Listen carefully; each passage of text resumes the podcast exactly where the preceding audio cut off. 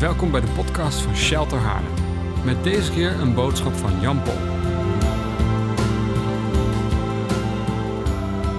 Vind je het goed dat we gelijk de Bijbel induiken, zonder introductie? Johannes, hoofdstuk 4. Een lang stuk ga ik met jullie lezen en uh, de uitleg komt, uh, komt ook wel hopelijk. Vers 45. Toen hij in Galilea kwam, ontvingen de mensen hem gasvrij omdat ze gezien hadden wat hij op het feest in Jeruzalem allemaal had gedaan. Daar waren ze zelf bij geweest. Nou, als je dat leest een paar hoofdstukken terug, daar gebeurden hele grote wonderen op dat moment. Dus die gastvrijheid had eigenlijk alles te maken met het feit dat ze dachten, nou, Jezus is, uh, die kan hele mooie dingen voor ons doen, dus die is uh, heel erg welkom.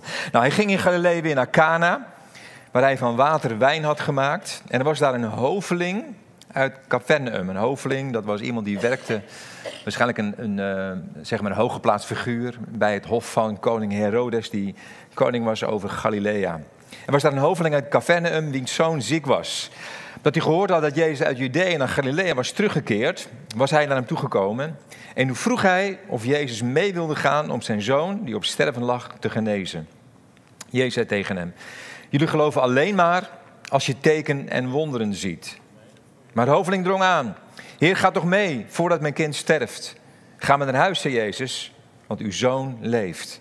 En de man geloofde wat Jezus tegen hem zei en ging weg. En terwijl hij nog onderweg was, kwamen zijn dienaar hem al tegemoet om te zeggen dat zijn kind in leven was. Hij vroeg hen sinds wanneer het beter met hem was gegaan. En ze zeiden, gisteren een uur na de middag is de koorts verdwenen. En de vader besefte dat dat het moment was dat Jezus tegen hem gezegd had, uw zoon leeft. Hij kwam tot geloof, hij en al zijn huisgenoten. Dit deed, Jezus, dit deed Jezus toen hij uit Judea naar Galilea was teruggekeerd. Het was zijn tweede teken. Vader in hemel, ik bid zo, Heer, dat uh, uw woord met, uh, ja, met, met kracht zal, uh, zal komen. Heer, u belooft, Heer, in, in Jezaja dat uw woord nooit ledig zal terugkeren. Heer, maar dat het zal doen waartoe u het uiteindelijk beveelt. Heer, dat het uw wil zal volbrengen. En ik bid deze ochtend, Heer, dat er zaad van geloof, zaad van, van vertrouwen in harten van mensen gelegd zal worden. Dat bid ik u zo in Jezus' naam. Amen. Amen. Ons land gaat op dit moment door ongelooflijk veel crisissen heen. Wie merkt daar wat van? Steek je hand eens op als je zegt van... Nou, weinig mensen. Nou, dan denk ik, ben je een beetje wereldvreemd of zo. Ik ga ze even opnoemen. De crisissen waar we in verkeren. En je zal daar inderdaad maar door geraakt worden. En we kennen denk ik allemaal mensen die daardoor geraakt worden. En wellicht jij zelf ook. Er komen ze. Ik heb ze netjes op een rijtje voor je gezet. De coronacrisis, die is nog steeds niet af. Het is alweer spannend straks wat het najaar gaat doen. De stikstofcrisis, ongelooflijk actueel. De toeslagencrisis, die is nog steeds niet volkomen afgehandeld. Er zijn nog steeds heel veel gezinnen in grote problemen. De woningmarktcrisis, de energiecrisis, dat voelt u allemaal trouwens in uw portemonnee. De klimaatcrisis, de watercrisis, de vluchtelingencrisis, de bestuurscrisis, de personeelscrisis. Het houdt maar niet op. We vallen met elkaar van de ene crisis in de andere crisis. En misschien zeg je, nou, dat doet me allemaal niet zoveel, Jan. Al die crisissen. En het gaat het allemaal aan jou voorbij. Uh, maar zit je wellicht in een persoonlijke crisis? Dat kan ook. Misschien uh, is het spannend in je huwelijksrelatie. Misschien heb je op je werk uh, bepaalde problemen. Misschien zit je in financiële moeilijkheden. Misschien ben je zelf ziek of is er iemand in jouw nabijheid, in je gezin, die een ziekte heeft. En is het voor jou wel degelijk een crisissituatie? Ik dacht, ik ga eens op internet zoeken naar definities over, over crisis. En er staat het volgende omschreven: een gevaarlijke toestand. In periode waarin iets heel erg slecht is of gaat. Een gebeurtenis die binnen een kort tijdbestek tot grote materiële of immateriële schade kan leiden. En dat is wat een, een crisis is. En in een crisis zie je ook altijd bij mensen dat daar emoties loskomen in een crisis. Er gebeurt wat in ons leven waar we geen controle meer over hebben en dan komen er altijd emoties los. Emoties van stress, van bezorgdheid, van angst, soms zelfs van paniek. Ook de emotie boosheid zie je vaak. Als je je afvraagt waarom er zoveel boosheid in de samenleving is op dit moment. Mensen hebben zulke korte lontjes. Er hoeft maar wat gezegd of wat te gebeuren of we exploderen. Dat heeft allemaal te maken met de crisis die we hebben die we niet kunnen controleren. En boosheid is bijna altijd een secundaire emotie van angst en frustratie.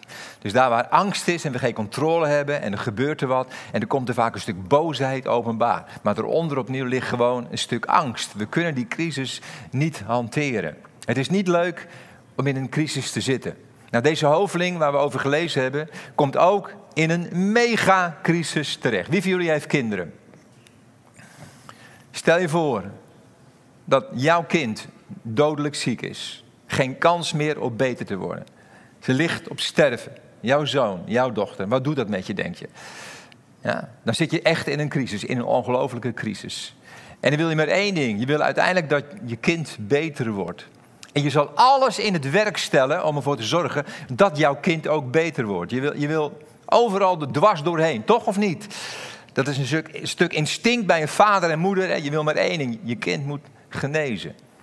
Ik las deze week een, uh, een bericht, was in een, Belgische krant die ik vond op, uh, op internet, het volgende. Marie Cotier en Dennis de Rijken zijn gestart met een sms-actie om geld in het laadje te krijgen voor een ernstig zieke zoontje, William. Deze jongen van 11 maanden werd geboren met een ongeneeslijke stofwisselingsziekte, het zogenaamde Menkes-syndroom. Dat is een uiterst zeldzame aandoening. Door deze ziekte kan het lichaam niet genoeg koper opnemen en transporteren. En daardoor wordt William niet ouder dan een jaar of drie. Dus even voorstellen: kindje wordt geboren. Na een tijdje kom je erachter dat het niet gezond is, dat het ziek is. Alle onderzoeken vinden plaats. En dan krijg je het bericht van de arts, het slecht nieuwsbericht. Uw kindje is ernstig ziek. Er is geen medicatie voor. En het zal niet ouder worden dan drie jaar. Zit je dan in een crisis? Dan zit je in een hele heftige crisis. Ja, en in hun wanhoop zoeken deze mensen allerlei middelen. Nou, dan staat er het volgende over. In Spanje wordt er volop onderzoek gedaan naar behandelingen voor deze ziekte. En is er een medicatie ontwikkeld, Elescamol, dat ervoor zorgt dat het koper toch getransporteerd kan worden. Nou, daar zijn nog geen resultaten van, maar dat geeft een sprankje hoop. Deze behandeling kost een smak geld, zo'n 100.000 euro om precies te zijn, schrijft die Belgische krant. Het gaat om een nog niet erkende behandeling die niet door ziektekostenverzekeringen worden vergoed. Deze ouders zitten in een diepe crisis en grijpen elk sprankje hoop uiteindelijk om een kind genezen te zien worden. En dat zien we ook bij deze hoveling. Die grijpt ook elk sprankje hoop. En hij heeft een gerucht gehoord wat door Galilea heen ging. Dat gerucht waar Matthäus over spreekt, over de situatie daar, die tekst verschijnt als het goed is. En dat gerucht is dat daar heel veel genezingen plaatsvinden. Hij trok rond in heel Galilea. Hij gaf er onderricht in de synagoge, verkondigde het goede nieuws van het koninkrijk en genas iedere ziekte en elke kwaal onder het volk. En het nieuws over hem verspreidde zich in heel Syrië en kwam dus ook uiteindelijk terecht bij deze hoveling. Die vertrekt gelijk van Capernaum naar Cana. Dat is een afstand volgens Google Maps van 37 kilometer. En hij gaat naar het dorpje toe, Cana, omdat hij Jezus wil ontmoeten. Hij wil Jezus bereiken. Dat lukt hem uiteindelijk. Hij is in staat om bij Jezus te komen. En dan stelt hij hem de vraag of hij met hem mee wil gaan om zijn zieke zoontje te genezen. Zijn stervend zoontje te genezen. En dan geeft Jezus dat in onze ogen, denk ik, ongelooflijk botte antwoord. Daar komt hij. Jullie geloven alleen maar als je tekenen en wonderen ziet. Nou, dat zal je maar gezegd worden als je daar in je wanhoop, toch? Je sprank je hoop en dan geeft hij zo'n botte opmerking. Nou, ik denk dat Jezus zich niet zozeer richtte tot deze hoveling als wel tot de omstanders. Ja, die hem heel blij zeg maar, verwelkomden, maar met een bijmotief. Ze dachten, ah, die weldoener komt. Ja, hij gaat even al onze problemen fixen. En wat Jezus graag wilde, hij wilde heel graag dat ze hem zagen voor wie hij was. En dat is Heer. En dat was de toekomstige hè, koning uiteindelijk. Zo wilde hij bekeken worden.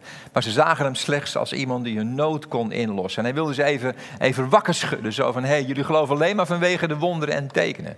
Maar goed, deze man hoort dat ook. En die zal misschien best even ontmoedigd geraakt zijn. Dat hij dacht van, oh, die weldoener is wel een beetje een botte man. Maar hij laat zich niet tegenhouden. En hij stelt opnieuw de vraag. Hij zegt, hij, smeekt dat, hè, in dat staat er in de, in de Griekse grondtekst heb ik nog even nagekeken, staat dat hij, dat hij echt deze man smeekte. Heer, ga toch mee voordat mijn kind sterft. Met andere woorden, de crisis is hoog opgelopen. Het komt erop aan.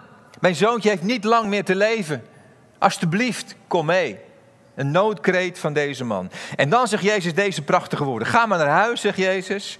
Uw zoon leeft. Dat is wat. Hij zegt, ga maar naar huis, uw zoon leeft. Dat zijn woorden van Jezus, een belofte van Jezus. En als Jezus spreekt, als Jezus een belofte geeft, als Jezus een woord zendt, dan zit daar altijd een ongelofelijke kracht in. Geloof je dat nog? Geloof je dat er kracht zit in de woorden van God? En dat wil ik bij je naar binnen, nou ja, rammen vind ik niet netjes, maar wel naar binnen planten. Dus we gaan er een aantal teksten over lezen die ik op een rijtje heb gezet. Over zeg maar, de kracht van uiteindelijk het, het woord van God en het woord van Jezus. In Hebreeën 1 vers 3 staat, met zijn machtig woord draagt hij alles wat bestaat. Wow, besef je dat even? Dat heel de schepping, alles wat we zien, alles wat we ervaren, de hele, alle melkwegstelsels, alles wat er is, wordt gedragen door het woord van Jezus, staat hier. Johannes zegt daarover, alle dingen zijn door het woord geworden. Zijn gecreëerd daardoor. En zonder dat is er geen ding geworden dat geworden is. En Psalm 33, vers 9, die vertelt ook hoe het is gegaan. Die legt dat uit. Die zegt, want hij sprak en het was er. Hij gebood en het stond er. Ja? Er zei licht en er was licht. Een woord van God, een woord van Jezus, heeft een ongelooflijke kracht. Jezaja 55, dat bad ik ook even, vers 10, geeft een geweldige belofte.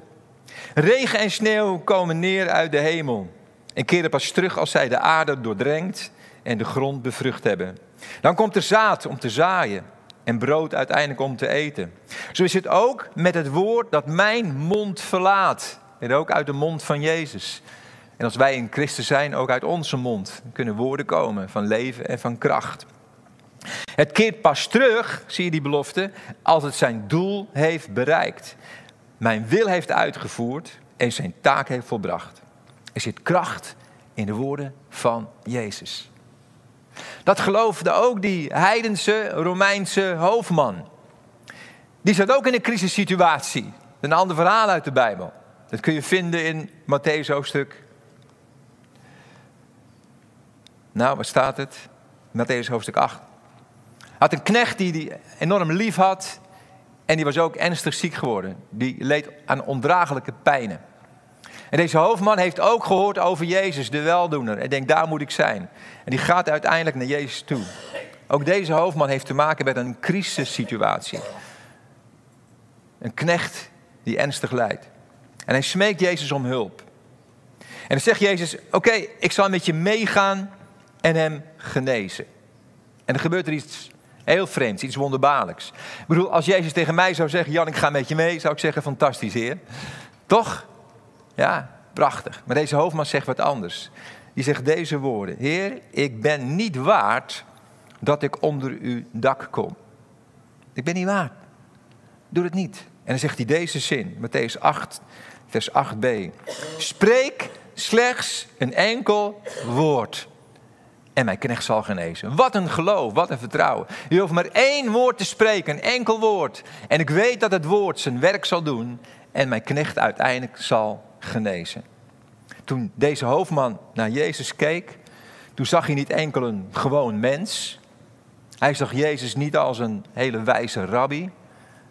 Hij zag Jezus niet als een uitzonderlijke profeet. Ook niet alleen maar als een wonderbaarlijke, bijzondere heelmeester. Nee, hij zag Jezus werkelijk als de zoon van God. Als een man die niet beperkt was in macht. Als een man ja, die geen enkele grens als het ware had. Hij stelde geen enkele menselijke beperking aan het leven van Jezus. Hij zag Jezus zonder beperkingen van tijd. Hij zag Jezus als zonder beperkingen van afstand. En hij zag Jezus als zonder beperkingen van autoriteit. Hij wist, ik heb slechts een woord nodig. En dan zegt Jezus tegen die man, ga naar huis. Zoals u het geloofd hebt, zo zal het gebeuren. Zoals jij het geloofde dat het woord voldoende is, zo zal het ook gebeuren. En op hetzelfde moment staat er dan, kilometers verderop, genas zijn kracht. Nou, op de een of andere manier had deze hoveling, terug naar ons verhaal, oorspronkelijk verhaal, had datzelfde vertrouwen en geloof. Want op het moment dat Jezus tegen hem zegt, ga heen, hè, ga naar huis, uw zoon leeft, gaat hij ook weg, hij gelooft hem. Maar goed, dan moet hij wel dat hele stuk van Capernaum naar Cana, nee, omgekeerd, van Cana naar Capernaum moet hij teruglopen. Nou, 37 kilometer, nou zou je zeggen dat valt mee, maar als je op Google even, zeg maar, googelt, Google Maps, dan zie je inderdaad die afstand is 37 kilometer en Google rekent uit dat dat een loopafstand is van zo'n 8 uur. Want het gaat ook door onherbergzaam terrein hè, en heuvelachtig allemaal. Daar doe je dus acht uur over. En uh, die man komt ook pas de volgende dag bij, bij zijn, uh, zijn kind, bij zijn zoon. En dat komt vanwege de afstand. Hij is natuurlijk al vertrokken, maar de nacht viel in. En in de nacht is het niet veilig om daar te lopen. Hij heeft blijkbaar daar geslapen. De volgende ochtend opnieuw vroeg opgestaan en verder getrokken. Om naar zijn zoon uiteindelijk toe te gaan. 37 kilometer. Dat is best een stuk. Dan heb ik begrepen van mijn schoonzoon, die een uh, extreme loper uh, is geweest een lange periode. En dat weet ik ook van andere marathonlopers. Dat als je een marathon loopt, dat bij 30 kilometer er een kantelpunt komt. Een belangrijk punt. Dat noemen ze dat je tegen de muur oploopt. In de eerste dienst zat Paul hier en die zei gelijk: Ja, Jan, dat klopt. Paul uh, Hartman, nee, niet Paul Hartman, Paul. Ja, Lammers. Die loopt ook marathons. Die zegt, bij 30 kilometer loop je tegen een muur op. Dan zegt alles in je lijf, maar ook mentaal: Weet je, ik ga het niet redden. Dan wil je stoppen. En daar zul je doorheen moeten. Nou, dat is geestelijk soms ook zo, weet je. Je, je. je kunt een woord van God ontvangen, een belofte van God. En dan ga je op weg met die belofte van God, met geloof en vertrouwen. Maar ja, dan duurt het wel even voordat die belofte vervuld wordt. Daar kan soms een hele lange tijd tussen zitten. Kijk maar eens naar Abraham hoe lange tijd daartussen zat. Kijk maar eens naar Jozef, hè, de, woord van God te middel van een droom, hoe lang het heeft geduurd. Kijk maar eens naar David, zoveel voorbeelden in de Bijbel waarin het een lange tijd is. En in die lange tijd van wachten kom je soms ook geestelijk op dat 30 kilometer punt.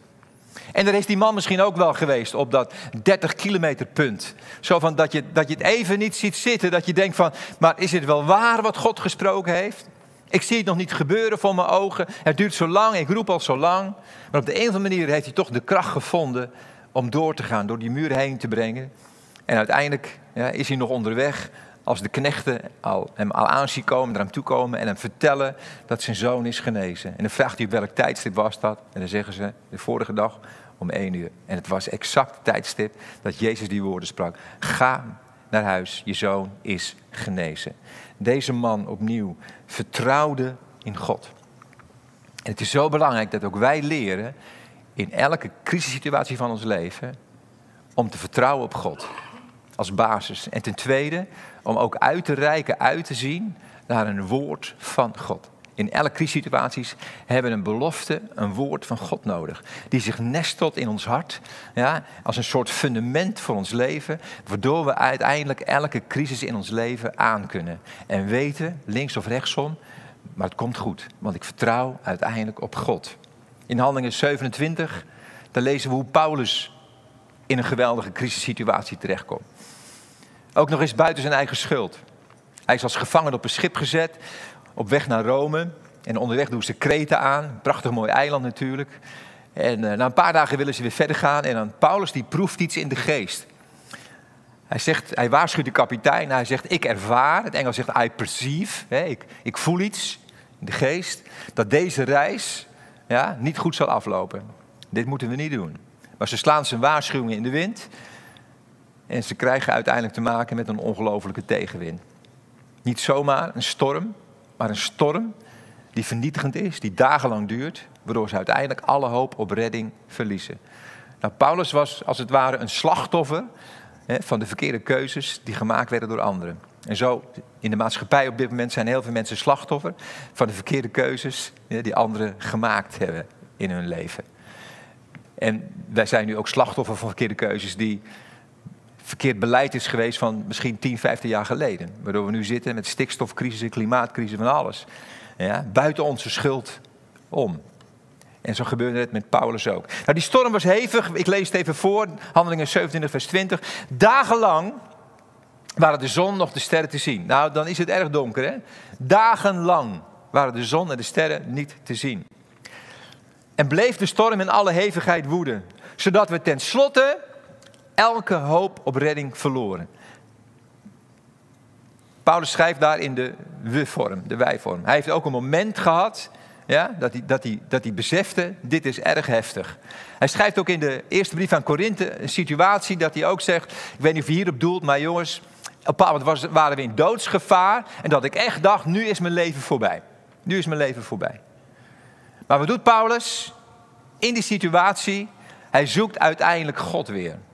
Daar ben ik diep van overtuigd. En dat kunnen we ook lezen uit de tekst die ik hierna ga lezen.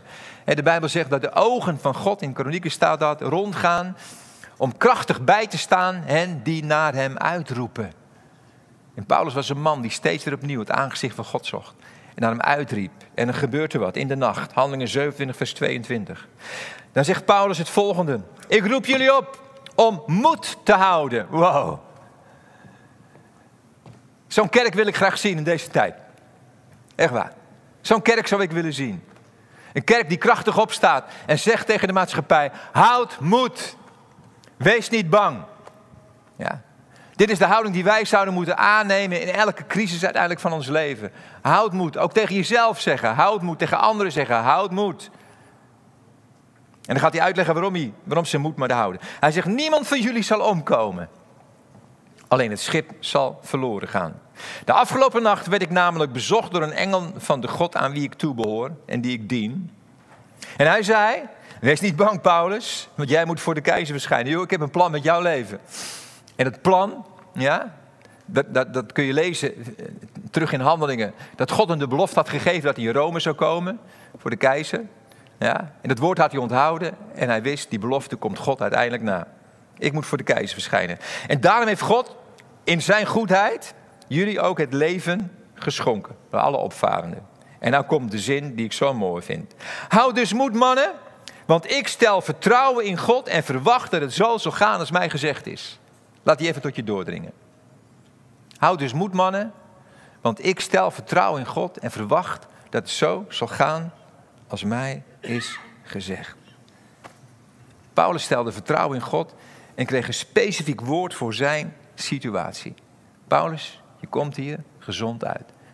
En hij vertrouwde dat God dat woord waar zal maken. Wow. Om eerlijk te zijn, leef ik niet altijd in dat vertrouwen. misschien wel. Maar ik raak nog wel eens in paniek in crisissituaties. Ik maak me nog wel eens een keertje zorgen. Ik word ook nog wel eens een keertje boos. Is er misschien iemand in de zaal, ik hoop dat er minimaal nog eentje is, die het ook wel eens heeft? Steek je hand eens op als je ook wel eens. Oh, gelukkig. Ja, daar hebben we allemaal wel eens last van. Toch? We zijn allemaal toch gewoon mens. En dat is niet verkeerd, zullen we zien met elkaar. Het is niet verkeerd dat we het even niet zien zitten. Ik heb diverse keren in mijn leven meegemaakt dat ik het even niet zag zitten. Dit hoef je niet te lachen, zo van, dat heb je vaak. Uh, nee. Ik vertel één verhaal. Sommigen van jullie kennen dat. Misschien heb ik die wel gedeeld, dat weet ik niet meer. Maar is het acht, negen jaar geleden, Marijk, dat je ernstig ziek was? Rond die periode. En uh, Marijk had een, uh, een hele zware hernia, die veel te laat zeg maar, uh, geopereerd is. En ze had een tumor aan de bijschildklier, waardoor er hormonaal van alles ontregeld was in haar. Daar had ze trouwens al jaren last van. Nou, die combinatie maakte dat ze erg ziek was. En uiteindelijk heeft ze een half jaar op een hooglaagbed in de woonkamer gelegen. En ze vermagerde sterk en uh, ja, kon heel weinig. Ik moest er soms zelfs eten geven, had ze gewoon niet de kracht en de fut om, uh, om te eten. En uh, in die tijd heb ik gelukkig hulp gekregen van heel veel lieve mensen hier die maaltijden voor me, voor me kookten. Want ik moest voor mijn rijke zorgen natuurlijk. Ik deed er ook nog wel wat bij, dus ik, ik sprak ook nog wel. En dan was er altijd wel uh, of een, een, van mijn kinderen of, of, iemand anders die dan bij mijn rijke was. Maar het was een hele zware periode. Nou, in die tijd waren er heel veel mensen die voor mij en met mij meebaden. Er waren ook vrienden die langskwamen om te bidden. Herman is een aantal keren natuurlijk langs geweest. Herman die leefde zo mee met ons. En ik kwam hier, ja, en dan bad Herman natuurlijk in geloof voor genezing. En Martin Korenstra, weet je, dus, dus, vrienden kwamen ook om, om te bidden. Maar er gebeurde niets. Er, er kwam mij geen einde aan, zeg maar, deze crisissituatie waarin wij zaten. En ik maakte hem erg zorgen. Daarbij had ik in die periode mijn Achillespees gescheurd met een partijtje voetbal. Nou moet je dat natuurlijk ook niet doen op mijn leeftijd. Maar ik had een, uh, een weekend, vrij zijn weekend in België met, uh, met vrij zijn. En het muziekteam ging een partijtje voetballen. Ik denk, oh leuk, ga meedoen. En uh, zonder dat er een bal in de buurt was, voelde ik opeens alsof iemand met een mes in mijn Achillespees snee. En ik stortte ter aarde. En ze riepen echt waar, zwalbe. Ze dachten, Jan stelt zich aan. Maar uh, er was gewoon een gat hier. Dus de pees was gewoon helemaal van het bot afgescheurd, omhoog geschoten. Uiteindelijk heb ik hem halverwege uh, op Pabert nog een keer gescheurd. Volgens de arts kon dat niet, maar ik kan, ik kan alles. Ik kan alles. Want hij was in het gips en in het gips kon ik hem niet opnieuw scheuren. Nou, wel gebeurd. Dus ik heb acht weken gips gehad. Dus moet je je voorstellen, mijn rijke die daar op bed ligt, die weinig kan doen. Ik loop met krukken, met een gipsen, een gipsen pootje. Niet zo'n leuke situatie. En uh, omdat Marijke s'nachts me ook wel eens nodig had, sliep ik op een matrasje naast haar bed. Nou, dat ging allemaal een beetje ingewikkeld. Moet je voor, leg je daar op een matrasje. En soms maakte ze me wakker, omdat ze even moest verleggen. Daar moest ik er even mee helpen. Ja, en dan stond ik op in het donker. En ik had altijd met mijn bril naast mijn matras, in mijn mobieltje, in mijn bijbel. En op een keer s'nachts stond ik, uh, en opeens hoorde ik... trapte ik mijn, mijn bril kapot. Ik kan er ook wel bij. Nou, dan hinkte ik een beetje en Marijke helpen. En toen kwam de dag dat ik uh, het gips eraf mocht. Ik was zo blij. En uh, dus uh, gips eraf, ik naar huis toe. En ik kom binnen. Ik zeg, oh, ik zeg, liever, dan kan ik je beter helpen. Ik ben verlost van het gips, van, van de krukken. En ik zeg, maar ik ga eerst even lekker douchen. Eerst naar boven. En dat, had ik heel lang niet gekund op de manier waarop je dat gewoon. Ik moest altijd de gipsen poot een beetje ongelukkig. Dus ja, dan deed ik maar even snel douchen. En ik ga heel lang douchen. Dus ik sta onder de douche. Ik weet niet hoe lang, kwartier, twintig minuten. En ik sta te genieten. Ik begon zelfs te zingen, joh. Dat had ik heel lang niet gedaan. Ik werd helemaal een beetje vrolijk. En opeens knalt het in mijn rug, joh. Oh, een pijn, een pijn. Nou, mijn, mijn kinderen weten dat ik dat regelmatig in mijn leven heb gehad. Zwakke plekken in mijn rug. En dan kan ik niks meer. Zit ik op slot, helemaal krom, vrekken van de pijn. Dus normaal gesproken had ik mijn rijk geroepen van... joh, kun je me helpen met afdrogen? Maar die lag daar machteloos op bed. Dus ik me wat afgedroogd, wat kleren aangedaan. Ik de trap naar beneden toe. En ik doe de deur van de kamer open. En ik zie mijn rijken liggen. En ik zie mezelf krom staan, pijn in mijn rug. En toen knapte er iets in mij. Gigantisch. Er kwam zoveel boosheid in mij naar boven. Zoveel frustratie in mij naar boven. Ik pakte mijn nieuwe bril, die ik net twee dagen had. En die smeet ik door de kamer heen. Ik pakte de deurbeet, ondanks de pijn in mijn rug, stond krom, pakte die. En die smeet ik met zoveel kracht dicht. Het raampje erboven, trillen, mijn rijk schrok op. En ik vloekte hardgrondig. Ik vloekte, ik vloekte uit het diepst van mijn hart. Nou zitten hier allemaal christenen die dat nooit doen. Is er iemand hier die met mij hier kan staan nu en zeggen: Jan, ik heb ook wel eens een vloek geslagen. Steek je hand erop, wees eens eerlijk. Nou, gelukkig, ja. Ja. Is niet erg hoor. Ik zeg niet dat je dat elke dag moet doen. Maar ik viel daarna op de bank neer. Ik heb zo liggen huilen op de bank. En God om vergeving gevraagd. En God zei alleen maar, Jan, het is goed. Ik hou van je. Je bent mijn kind. En ik begrijp je frustratie en je pijn. Geen enkel verwijt over het feit dat ik zo boos was en vloekte. In de Bijbel zien we allerlei mensen, mannen van God, zien we vloeken. De dag vervloeken. Job zegt, ik vervloek de dag dat ik geboren ben. Hij zegt letterlijk, schrijft hij, ik wou dat mijn moeder abortus had laten plegen. Dat is wat hij zegt. Jeremia zegt hetzelfde. Mozes is woedend op God. In de psalmen komen we steeds weer situaties tegen van mensen die boos zijn op God. David, lees de psalmen maar. Ik lees er eentje voor op Psalm 13. David is in een situatie gekomen in een mega-crisis en hij ziet het niet meer zitten. ik lees het even voor en lees ik het voor zoals, zoals veel mensen het lezen. Ik hoop niet jij, maar heel veel mensen lezen de Bijbel op deze manier. Daar komt hij. Vers 2 van Psalm 13. Heer, bent u mij helemaal vergeten? Wanneer komt u mij weer tegemoet? Moet ik nog lang naar u uitzien? Dag in, dag uit schreeuwt mijn hart om u. Kijk toch naar mij om, Heer, en laat me iets van u mogen opmerken. U bent toch mijn God. Als ik het lees, probeer ik te kruipen in de, huid van de schrijver en de emotie te proeven. En als je weet waar David erheen gaat en je leest deze woorden, dan zie je dat er dit staat. Ik lees het nu voor zoals hij het heeft opgeschreven. Heer, bent u me helemaal vergeten? Wanneer komt u me weer tegemoet? Moet ik nog lang naar u uitzien? Dag in, dag uit schreeuwt mijn hart om u. Kijk toch naar mij om. Laat me iets van u mogen opmerken. U bent toch mijn God? Hier zit frustratie in. Hier zit verontwaardiging in. Hier zit iets in van iemand die zich in de steek gelaten voelt door God. Waarom doet u niks? Zoals ik me voelde op dat moment. En vloekte. Ik begreep het niet. Ik was even het vertrouwen in God was ik kwijt. David is even het vertrouwen in God is hij kwijt. Nou, die psalm heeft hij, heeft hij geschreven na al die dingen die gebeurd zijn. Hè, dat gebeurt vaak, dan schrijf je die, die, die, dingen uiteindelijk op. Ja? Maar ergens in zijn leven is er een ommekeer gekomen. Ergens in die situatie van uitschreeuwen is er een zaad van vertrouwen in zijn hart gekomen. Want in diezelfde psalm eindigt hij uiteindelijk met deze woorden.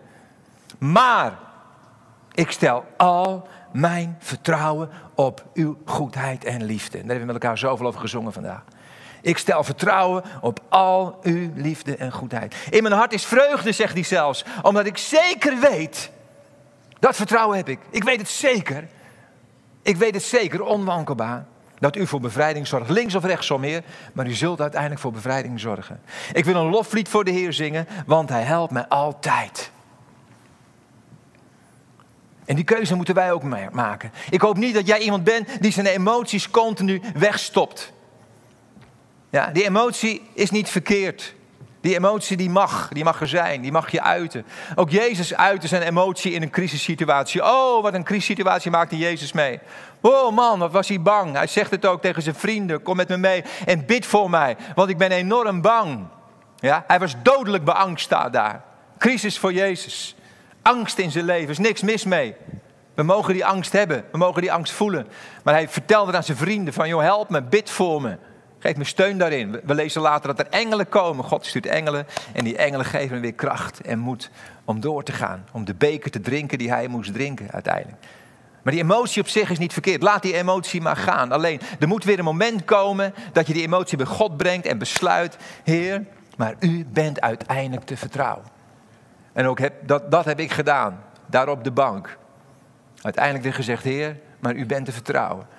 Ja, in, in de afgelopen, toen was het eh, denk ik 35 jaar, heeft u laten zien in ons leven, Heer, dat u uiteindelijk steeds weer kwam en een oplossing gaf. U heeft ons altijd door alles heen gedragen, Heer, en dat gaat u nu opnieuw doen.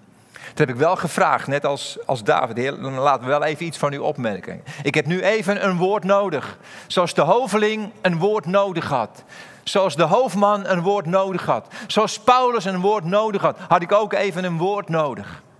Even een fundament om op te staan. Ja, ik had weer het algemeen vertrouwen in God, maar ik wilde ook gewoon ervaren, Heer, u bent daar ook werkelijk voor mij.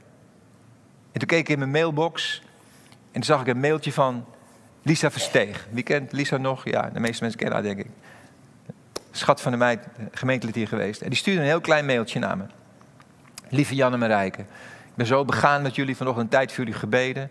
En in die gebedstijd ervoer ik dat ik een filmpje naar jullie moest opsturen van Corrie ten Boom. Dat was alles.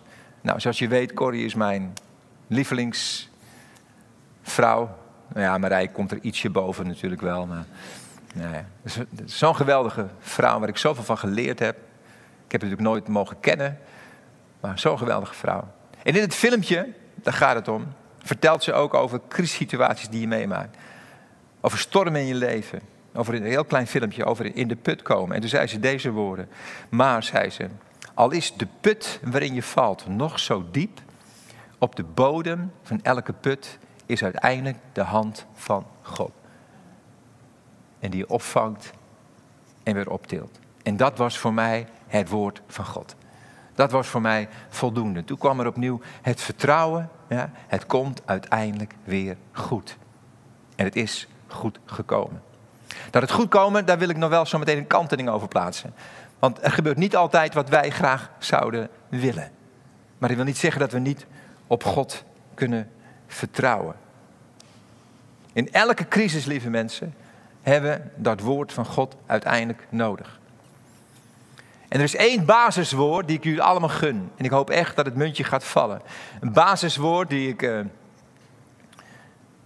al lang geleden hè, van God heb ontvangen. Maar met name in de, in de hele coronacrisistijd. En toen had ik uh, ook problemen met mijn hart. We zijn ook weer door allerlei dingen heen gegaan.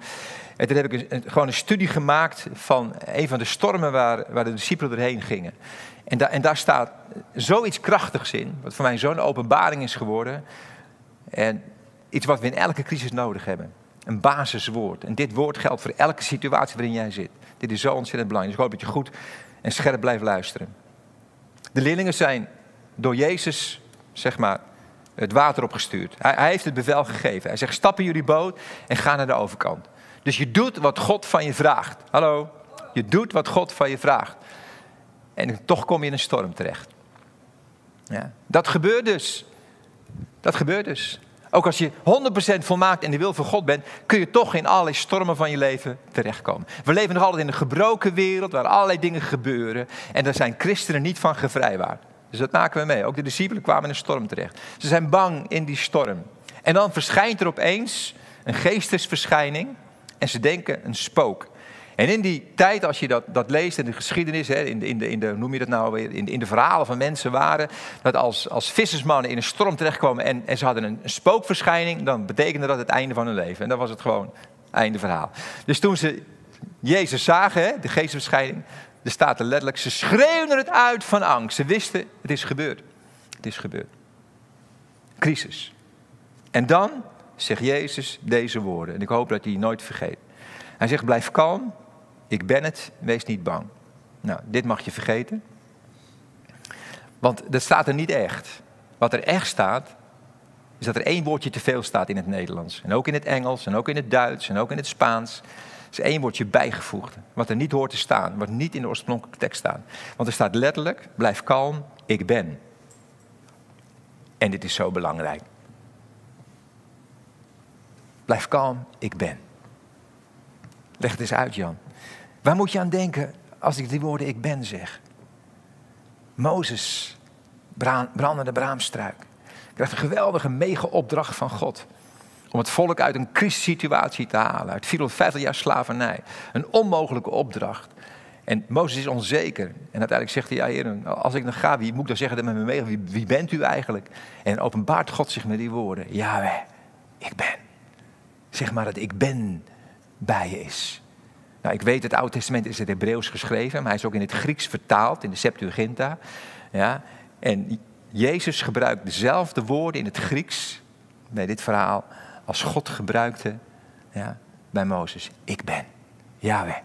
Dat is een woord wat eigenlijk niet te vertalen is. De meeste theologen die, die, die vertalen als volgt, die zeggen, ja, ik ben die ik ben en ik zal, ik zal er zijn. Sela heeft er een, een lied over uh, gezongen de Ben Sela. Ik ben die ik ben is uw eeuwige naam. Onnoembaar aanwezig deelt u mijn bestaan. Hoe adembenemend ontroerend dichtbij. Uw naam is ik ben en ik zal er zijn. Wow.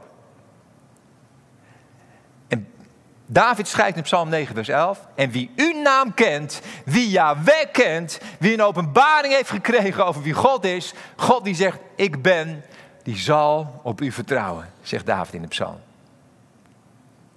En dat kennen van die naam wil niet zeggen, nou, hè, dat ik je een hand geef, hoe heet jij? Nou, ik ben Jan Paul, dan ken je mijn naam. Hè. Dat wordt daar niet bedoeld. Het woordje kennen is geen hoofdkennis, maar is hartskennis. Wie Yahweh intiem kent, ja, wie een intieme relatie met hem heeft.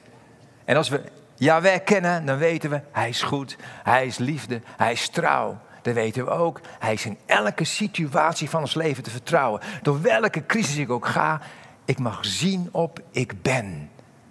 Hoe het uiteindelijk ook afloopt in mijn leven. Dat betekent dus niet dat we nooit weer in een crisis terechtkomen. Dat betekent ook niet dat God ons uit elke crisis verlost. Psalm 23 zegt dat. Zelfs al ga ik door een dal van diepe duisternis. dat gebeurt dus, maar dat is tegelijkertijd, u bent bij mij. En we zongen met elkaar dat prachtige lied. Uw goedheid is altijd bij mij. Is dag en nacht bij mij. En dan zegt het, u was dichtbij in mijn donkerste nacht. Ja, we hebben het met elkaar beleden. Nou, wat wij moeten doen in elke crisissituatie van ons leven, op Jezus blijven zien. Waar we ook doorheen gaan. Hoe groot de storm ook is, blijf op Jezus zien. Want Jezus zegt, ik ben. En hij is volkomen te vertrouwen. Ik werd geraakt door, door het lied wat we zongen, het laatste lied. Dat hebben we in de eerste dienst niet gezongen. Maar ik vond hem ongelooflijk mooi. When I feel the fear come. Ja, dat voelen we dus. Ontkennen we niet. Oh ja, ik voel me even bang. Ik voel even de stress. Ik voel de zorgen even. Ik kan het even niet aan. I won't run away. Nee, ik loop niet weg van iets. Ik loop naar iets toe. Naar Jezus uiteindelijk. I won't run away. Even in valleys, your presence is enough. Zelfs in het diepe dal, uw aanwezigheid is genoeg. Maar I feel the shaking, oh ja, ik voel dat het schudt, ik ontken het niet. Ik ben geen struisvogel die zegt er is niks aan de hand. Nee, ik, ik, I feel the shaking, but I will stand my ground. Oh, your presence is enough. You are with me. Wow, wat een prachtige woorden. Stefanus had het lied kunnen maken, denk ik dan. Stefanus die door een crisis ging. Man, dat was even schudden. Daar sta je dan, heerlijk te preken. En dan komen tegenstanders en die richten zich tegen je. Ja, en het, het, vuurtje laait op, het wordt erger, erger. Ze pakken stenen, ze gaan je met stenen bekogelen, ze gaan je doden. Crisis! En wat doet Stefanus? Letterlijk staat er het volgende. Stefanus staat er, sloeg zijn blik op naar de hemel en zag Jezus. Wow. Hij zag Jezus. En wat deed Jezus? Stuurde hij een leger engelen. En liet hij al die mannen die stenen gooiden, zeg maar plat neergooien. En Stefanus ontkwam? Nee. Hij, hij ontkwam wel, maar niet op de manier waarop wij denken dat we altijd moeten ontkomen. Hij stond daar. Maar het gaat verder hoor. Hij zegt wat namelijk. Zijn ogen straalden. De omstanders konden nauwelijks meer zijn aangezicht zien. Want hij keek omhoog. En hij, hij zegt het volgende. Ik zie de hemel geopend, zegt hij. Ik zie de heerlijkheid van God. Ik zie de mensenzoon. Die staat aan de rechterhand van God. Dat is raar, want Paulus zegt dat hij aan de rechterhand van God zit. Maar Stefanus zag hem staan. Weet je waarom? Ik denk dat Jezus even diep geraakt was. Ik denk dat hij tegen vader gezegd heeft, dit moet ik even goed bekijken. Deze man die de dood voor ogen ziet, ja, die staat glorieus naar mij te kijken. Even goed kijken, wie is dat? Oh, Stefanus, geweldig. Stefanus, zijn blik bleef gericht op Jezus. Hij liet de uitkomst van het probleem en de crisis aan God over. Maar hij wist, ik moet mijn blik alleen maar vestigen op Jezus. Hebreeën 2, die vertelt eigenlijk alles wat ik hier zei. 8 vers 9. Alle dingen, zegt het daar, hebt u onder zijn voeten onderworpen. Want bij het onderwerpen van alle dingen aan hem heeft hij niets uitgezonderd wat hem niet onderworpen is. Ja, dat is de realiteit. Jezus heeft elke demon, elke ziekte overwonnen, elke situatie overwonnen. Reality, dat is waar. Niets uitgezonderd. Nu echter, zegt Hebreeën, dat zeg ik met hem, zien we nog niet dat hem alle dingen onderworpen zijn. Ik zie ook crisissen. Ik zie ziekte. Ik zie van alles om me heen. Dat is de realiteit die de Hebreeën schrijver ook ziet. Maar daar eindigt het niet. Hij zegt, maar wij zien Jezus met heerlijkheid en ingekroond. Net als Stefanus. Wij kunnen een blik in de hemel slaan. Door welke storm we ook heen gaan. En we kunnen uiteindelijk Jezus zien. Ik wil je vragen om te gaan staan. We mogen vasthouden aan die vier woorden. Maar ik zie Jezus. Het stormt, maar ik zie Jezus. Er is me groot onrecht aangedaan, maar ik zie Jezus. Mijn kind is dodelijk ziek, maar ik zie Jezus. Ik ben bang, maar ik zie Jezus. Ik zit in een enorme crisis. Maar ik zie Jezus. En Jezus zegt tegen jou en tegen mij: blijf kalm. Ik ben. Ik wil je vragen om je, of je even wil verbinden met iemand anders. Even gewoon de armen om elkaar heen slaan. Heilige Geest, wilt u komen op dit moment, Heer. Jullie u kent deze mensen, Heer. U, u weet precies waar ze in hun leven doorheen gaan. Heer, u, weet of al de crisis die ik heb opgenoemd, of, of, of die hen ook raken. U weet dat, Heer. U kent elke persoonlijke crisis waar ze doorheen gaan, Heer. Maar ik bid op dit moment, Heer, dat u ze vertrouwen geeft in uw wezen, uw karakter en de persoon die u bent. Heer, openbaar uzelf, Heer, opnieuw aan hen ook. Als de God die zegt, ik ben. Ik ben, je kunt me vertrouwen. Heer, die arm die we voelen van die ander, Heer, dat mag even nu uw arm symboliseren. Heer, u heeft, u heeft geen andere ogen dan de onze, geen andere mond dan de onze, geen andere benen dan de onze, maar ook geen andere armen dan de onze. En die arm om je schouder nu is even de arm van God. Die in zijn liefde tegen jou zegt, kom maar bij mij. Ik zal er voor je zijn. Altijd. In elke situatie van je leven. Waar je ook doorheen gaat. Ik ben. Ik ben te vertrouwen. Door welke crisis je ook gaat. Heilige Geest, kom zo, ook op dit moment. Ook met, met troost, Heer, daar waar verdriet is, Heer. En waar pijn is, Heer. Waar mensen echt getroffen zijn door een crisis in hun leven, Heer. Heer, waar angst is, Heer. Heer, kom op dit moment, Heer. Ik wil ook vrede uitspreken. Vrede.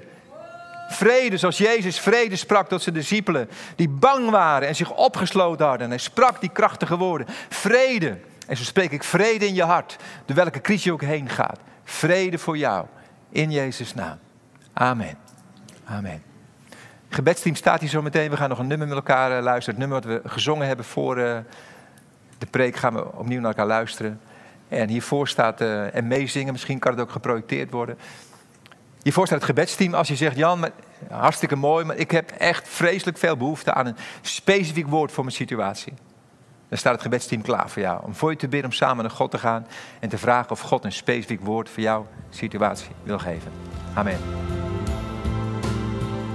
Dank voor het luisteren naar onze wekelijkse podcast. De missie van Shelter is Gods Koninkrijk zichtbaar maken in onze wereld. Wil je onze gemeente financieel ondersteunen in deze missie? Ga dan naar www.shelter-haarlem.nl geven.